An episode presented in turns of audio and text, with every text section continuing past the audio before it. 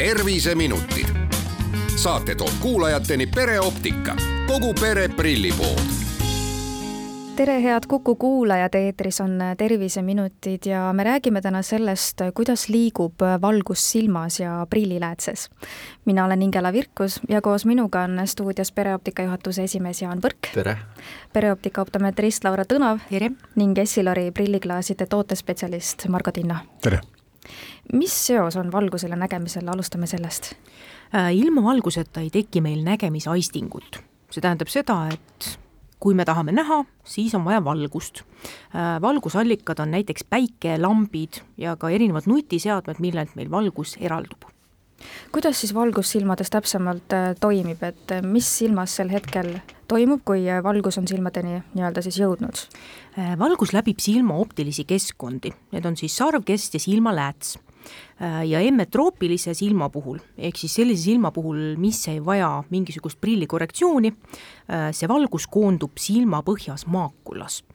valgus muundub elektriimpulsiks ja liigub läbi nägemisnärvi peajõu nägemiskeskusesse.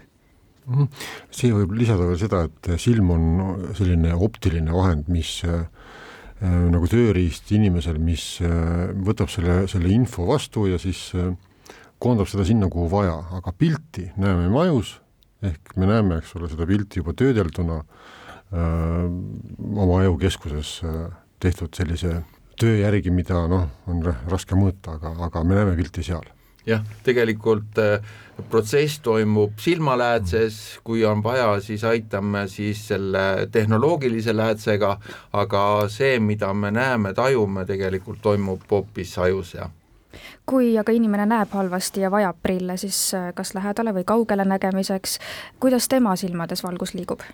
Äh, miinusprilli kandjatel ei lange valgus reetinal ehk siis seal silmapõhjas, vaid tegelikult selle ees.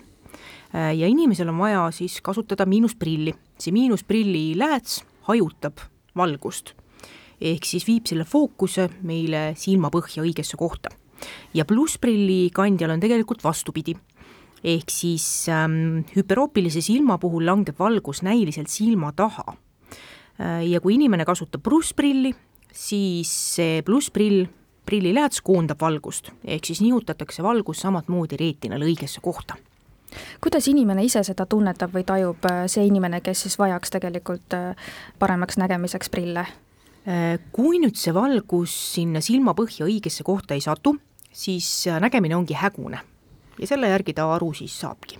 ja siis, kui aeg on teinud oma töö ja inimesel käed lühikeseks jäävad, siis tegelikult tekib see olukord, kus kohas äh, valgus äh, jälle leiab selle keskpunkti siis seal tagapool ja, ja teda on siis vaja seda kujutist on vaja tuua ettepoole, nii et see kõik on kogu elu mei-, meid saatev protsess kuidas valgusega siis liigub, kui inimene kannabki prille, et kuidas prilliklaasid ise seda mõjutavad? siis on tegemist sellise valguse kiiruse muutusega. et õhemast läbipaistvast keskkonnast tihedamasse keskkonna liikudes muutub valguse kiirus äh, valgus liigub aeglasemalt ja selle tulemusena tegelikult valgus ka murdub, ehk siis muudab oma suunda, kuhu ta liigub Äh, kui valguskiired liiguvad õhust läbi prilliläätse, siis see valgus muudabki enda suunda ja seda vastavalt siis sellele prilliretseptile, mis inimesel on. Äh, läätsest väljudes tegelikult muudab valguskiir uuesti oma suunda ja siis läbib äh, silma optilisi pindu ja siis koondub lõpuks jälle võrkkestal reetinal Margo, kuidas täna prilliklaaside tootjad sellega arvestavad, et kuidas see valgus siis liigub ja kuidas ta liikuma peaks? no ikka niimoodi, et võimalikult vähe oleks äh, seda äh, ütleme, abi äh, siia nina peal näha ja tunda, ehk läätsed võiksid olla õhemad, esteetiliselt ilusamad, selgemad ja, ja funktsionaalsemad, ehk siis, et kõik töö läheb selle jaoks, et, et inimesed oma nägemisprobleemidele saaksid esteetiliselt ilusa lahenduse ja väga täpse, eks ju, et äh, täpselt sellele kaugusele siis, kuhu inimene tegelikult äh, vajab. jah, just prilliläätsede puhul räägitakse ju ka prilliläätsede murdumisnäitajast ja prilliläätsede õhedusest, et äh, mis asjad need on? Täpselt samad asjad. Äh, nüüd õhendus on natuke selline eksitav sõna ja me üritame ka seda natukene oma klientide seas välja juurutada. õhendus tähendaks seda, et me võtame paksu prilliläätse ja lihvime selle õhenda, nii-öelda õhemaks. Äh, tegelikult nii see ei ole, et äh, õhendus tähendab seda, et algmaterjal on tihedamast materjalist. see murrab rohkem valgust ja tulemus on see, et kui me näiteks tahame pluss kolm tugevusega läätse, siis see suurema õhendusega lääts on keskelt õhem, peenem aga võib-olla täpsustada, et plussläätsed on siis sellised, millel tegelikult on ääred hästi õhukesed ja keskelt paks ja miinusläätsed on siis sellised, millel on ääred paksud ja keskelt õhuke. ja kui me nüüd aru saame, siis tegelikult tekivad sellised füüsikalised äh, äh, piirid, et kui me tahame näiteks hästi suurt läätse, äh, plussläätse, siis selleks, et saada ta nagu suureks, ta läheb keskelt hästi paksuks.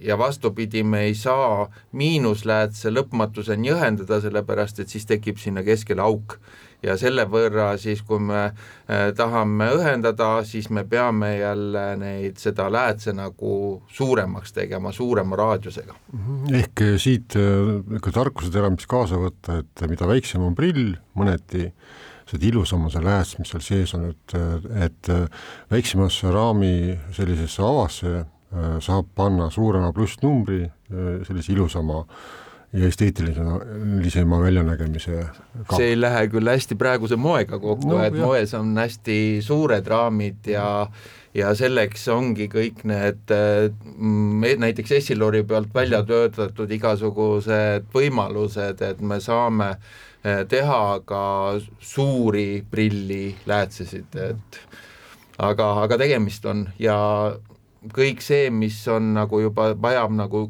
kõrgemat tehnoloogiat, et need äh, hakkavad ka rohkem maksma. jah, et, et alati selline ähm, ütleme, kõike on võimalik teha individuaalselt, et äh, teatud piirid on selles optikas olemas ja ütleme, et sellist kainet mõistust ja, ja soovitusi, mida kaupluses antakse, tasub alati kuulata milliseid katteid täna siis võib-olla pakutakse, mis oleks just seotud sellega, et kuidas see valgus murduma peaks ja, ja või, või jah, et kuidas see valgus äh, silmadeni jõudma peaks?